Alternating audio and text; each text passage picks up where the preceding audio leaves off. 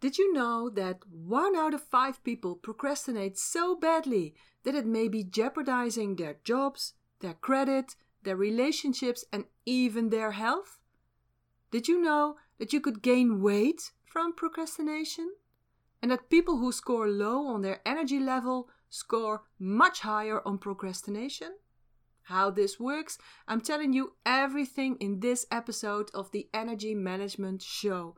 What is procrastination? Which factors play a role in your procrastination behavior? And of course, I'll give you tips and tricks to tackle this problem. Because if you want to master your energy and master your life, you have to learn how to tackle procrastination. And also, who wants to gain extra weight from procrastination? Nobody! Welcome to the Energy Management Show, where you learn how to apply the science behind energy to transform your life. I'm your host, Janine Hofs, an energy master with 26 years of experience. I'm determined to take the woo woo out of energy building and recharging and give you practical advice to help you make that shift on the inside to transform your life on the outside. Because you deserve it. So join me on this energy journey and transform your life now. We all do it, more or less. Procrastination. That you should prepare for a meeting or study for this one test, and then suddenly you think, hmm, ironing, that's very important. Or that you can't stop watching funny cats videos. Do you ever suffer from that? It sometimes happens to me too, especially in the past. I remember studying at university. That really seemed a good idea. I mean, I had the brain for it. It was a course with possibilities in, in computer science. Plus, it was a fantastic school. So I went to the university every day in my old brown Honda Civic and I attended every lecture there was, sometimes even till 10:30 p.m. But at home things went a little bit different. Now, in that time, I also just decided to live together with my boyfriend, so this wasn't such a good combination. I found the washing machine, cookbooks, and the series on TV, which now I got to watch whenever I wanted.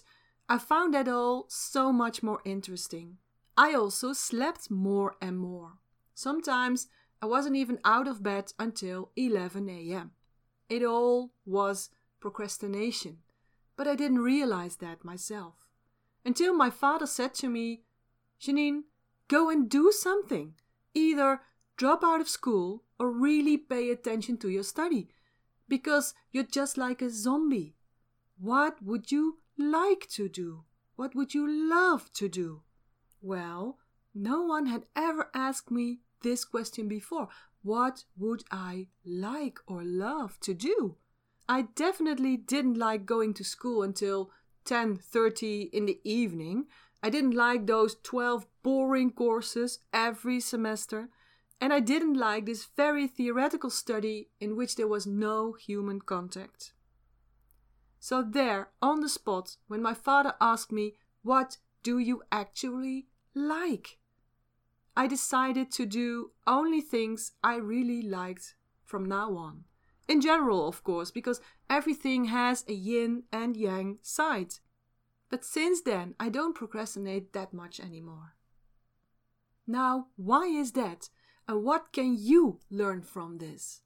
First, let's look at what procrastination is.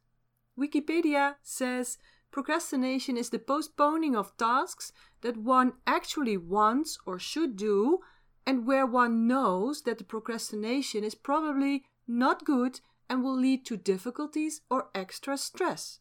That's why this sometimes is called irrational delay. Because this irrational procrastination, you will be more worried, more anxious, less satisfied, and less proud of yourself. You'll definitely experience more stress. So, irrational procrastination is not only annoying and inconvenient, but also unhealthy. Stress also stimulates your cells to store more fat, so you don't want that either. Now, if it's not good for anything, why do we all procrastinate so much? If we dive deeper into this problem, we'll see that procrastination is a complex problem in which different factors play a role. The characteristics of the task you postpone, they play a role, but also the characteristics of you as a person. I am a water energy type, and water people are not very good at planning and organizing. They want a lot, do a lot, can do a lot, and often know a lot, which often leads to chaos. Because of this abundance of knowledge and ideas, water can get stuck in where should I start?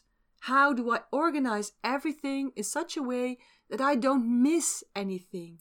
Is it complete? Do I have everything? Don't I miss any facts? It's a form of perfectionism. Every energy type has its own triggers to get stuck in procrastination. Wood energy types, for example, can organize and plan very well. They can also oversee the big picture. But they find finishing things rather boring. They prefer to do fun, exciting new things, and this can lead them into procrastination. Fire energy types like to do a lot of things at the same time, especially because fire sees the positive side and fun in everything. They also like to do everything at the last moment, and that creates chaos and procrastination, of course. Earth energy types are very good at details, but that can also be their pitfall. Unlike wood, they can't oversee the whole picture, the big picture, very well, and when they have a task that is too big, they don't know where to start. Besides that, they're always worried with what others will think of them and their work, so they tend to add more and more and more to their work. It's also a form of perfectionism. Finally, the metal energy types. They can also organize and plan very well, but they tend to think in black and white. So you do something well, or you don't do it at all. That's how metal often thinks about it. So only when metal is satisfied with it, according to its own standards, in which he has also outperformed himself, then it is finished. So this is also a form of perfectionism. Until then, metal is procrastinating. Do you want to know your dominant energy type at this moment? If so, take the free test on janinehofs.com slash free test. You'll find the link in the show notes. Besides the pitfalls that belong to your energy type, there are also characteristics of the task that determine whether you pick up something immediately or keep pushing it forward. These six important elements play a role. 1. Instant gratification. Our brain loves things that are done quickly. So everything on your to do list that is small and can be finished quickly will spontaneously feel more attractive than all the other things. That's pretty short sighted, and this way you'll never finish long term projects, but the brain always prefers to save energy. So, if there's a choice between simple and complex activities, your brain will always choose the simple task. 2. Rewards or punishment. If you have to make a lot of effort for a little reward, or if that reward is still far away, your brain will put this project on the back burner. This has to do with something called delay discounting. The further away the consequences are in time, the less they will influence your behavior. If a direct punishment is to be expected, we will suddenly become very fast. 3. Organization and priorities. If you have one large to do list in your head, one of hundreds of thousands of things, without these tasks being arranged by subject and urgency, then there's so much chaos that your brain will shut down and put Netflix on top. Same goes for when you have no direction in your life and therefore in the things you still have to do. That's like giving somebody a, a roadmap and saying, without mentioning the endpoint, well, tell me how we'll drive. Procrastination then is inevitable. And this applies not only to when you don't know your direction, but also to when you're working in a direction that doesn't make you happy. Maybe you're following a direction because your parents thought this was a very good idea, or because it was imposed on you by society, or it is something you thought you would earn a lot of money with. Or maybe you're doing something because you have always done it like this. If you do something that you don't support, something you do not believe in, or you don't like, then you will feel no motivation and procrastination is inevitable. I had a client, Pamela, and she was an accountant. A well paid and steady job, but she always complained about stress and time pressure. She never got through her to do list, and her whole life was a continuous stream of hurries, with all the physical and mental problems that came with it. Until she suddenly became interested in sheep herding. Yes, you heard me right.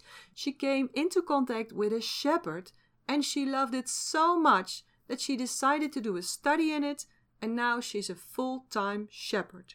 She works more hours than ever before, but I never hear her complain about tasks not getting finished or time pressure. Her procrastination is cured because now she's living her heart's desire.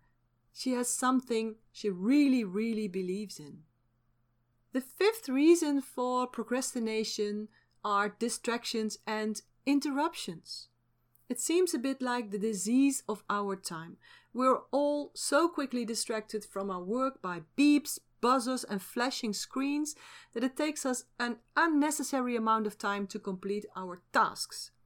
Did you know that switch tasking means that you need 28 to 100% more time to complete that task? This is because every time you change activity, it takes time to get back on track. Experts estimate that this can cause up to 40% productivity loss. 40%! Ah, switch task is so 2018. And last but definitely not least, the sixth point is energy management. You know my motto by now. All success comes from the inside out, and that also applies to procrastination. If you're not fit, if you have a cold or had a bad night, you can't concentrate as well. Even when you have a full head, when you worry, when you feel a constant stream of stress flowing through your body, you will be less focused and less productive. Tests also show people who score low on energy levels score high on procrastination. And how about low energy frequencies such as fear, shame, and the feeling I am not good enough. Do you think those feelings create procrastination? I know for sure they do. So I dare to say that low energy, blocked energy, and or low energy frequencies are the main causes of procrastination. And I wouldn't be the energy master if I didn't teach you how you can tackle this procrastination monster yourself. So, here's what you can do. The first thing is start with the end in mind. If you don't know where you're going, chances are you'll drift away in all kinds of distractions. So make sure you get a clear idea of where you want to go, what your goals are, and what the end result is. And with this end goal in mind, you can map out your path or take the next step. A good morning ritual or meditation can help you very well with that. The second thing has to do with planning, organizing, and prioritizing. After you have a clear idea of where you want to go, it is important that you create a system for yourself in which you can function optimally. And that can be different for anyone. And that can be different for everyone. For me, it works well to determine small and manageable steps with that final destination in my head. And as soon as you notice that you are still postponing these steps, you have to make them even smaller and even more clear. Well, there's nothing that a notorious delayer likes better than making plans and reorganizing to do lists again and again and again and again so beware of this pitfall and make sure that you determine your next step very clearly because plans without action always remain dreams. So it's better that you take an imperfect action than that you do nothing at all. My third tip is eat that frog. You might have heard it before. Imagine having eaten a fat, living frog on an empty stomach in the morning. Then the rest of your day tasks are easy peasy, right? Well, of course, I don't want to encourage you to go and eat frogs for breakfast, but as soon as you first do the most important, difficult, or annoying task first, for the rest of the day you'll feel like no task is as bad as the one you have already done. The fourth tip for you is tackle those distractions and interruptions. Today, it's quite a challenge to stay focused, especially if your energy type is sensitive to this. So be strict. Make sure you have everything well planned and prepared and keep both your head and your workplace free of distractions. This means that you regularly clean up your workplace, remove all disturbing elements from that space, and turn off everything you are not currently working on, such as your mail, WhatsApp, and social media. And of course, good energy management. Last but not least, good energy management because the most important solution is in you, in your energy. Now I can give you a hundred exercises and tips because that's, of course, what I do as an energy master. And if you keep listening to this podcast, you will hear them all. So if you haven't already, subscribe to this podcast so you don't miss any of my tips or exercises. For today, I have a very special energy point for you. You can massage this point when you notice that your procrastination is triggered by something you're anxious about, something you feel afraid of. Now, how do you find this point? It's located on the back of your hand, so you can easily massage it wherever you are, and you'll notice that your anxious feeling will immediately fade away. And to make it easier for you, I created a PDF with a picture of a hand and this point at the exact location. So this will help you feel confident that you are massaging the right spot. You can download this freebie at janinehofs.com slash download 5. The number 5. But like I said, this point is easy to find. Lay your hand flat on the table with the back of your hand up and you will find this point between your pinky finger and your ring finger between the metacarpal bones of those two fingers. And when you feel between those finger bones, you will feel a space, a little dent. There you'll find this energy point. So, between your wrist and your knuckles, in the little dent between the metacarpals of your fifth and fourth finger.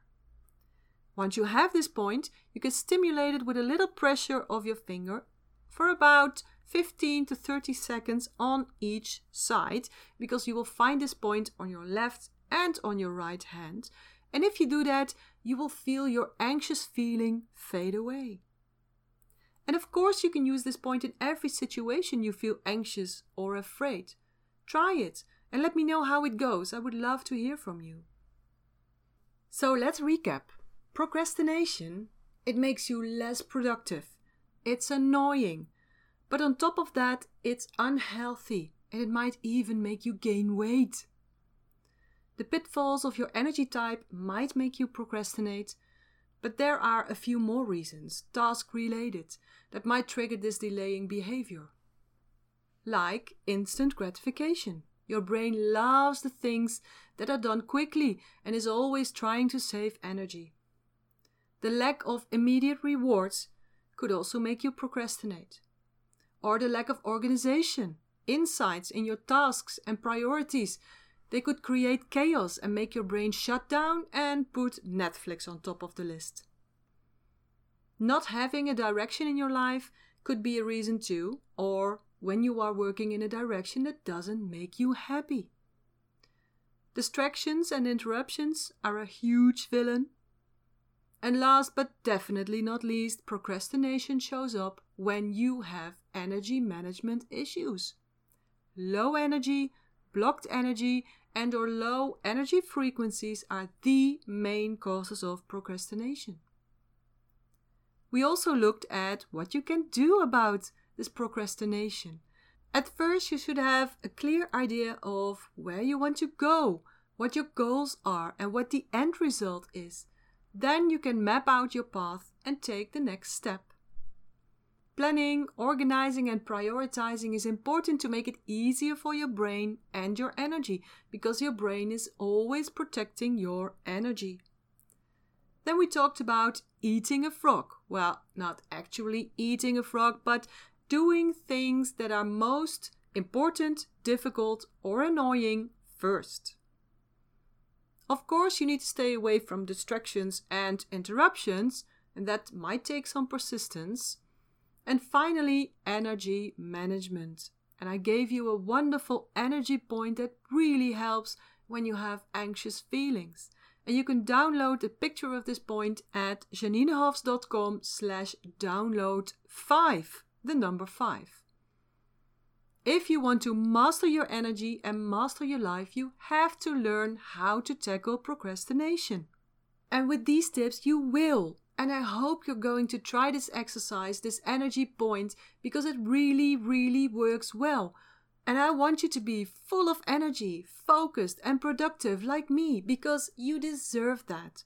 And remember, changing behavior means learning new behavior by doing it and repeating that until it becomes the new normal. So, stimulate this energy point every day for the next 30 days and see what happens. It's so powerful. And let me know how it goes. I would love to connect with you. So look me up on social and send me a message. Tell me how you liked this exercise and what you experienced when you stimulated this energy point frequently. Thank you so much for being here with me today because I know you are busy and I really, really appreciate that you spent some of your valuable time with me. I hope I have inspired you and motivated you to take some action to improve your energy balance. I'll be back next week with more information, tips, tricks, and exercises for your biggest asset, and that is your energy. For now, I wish you an amazing day full of energy and bubbles, and I'll see you next time. Bye!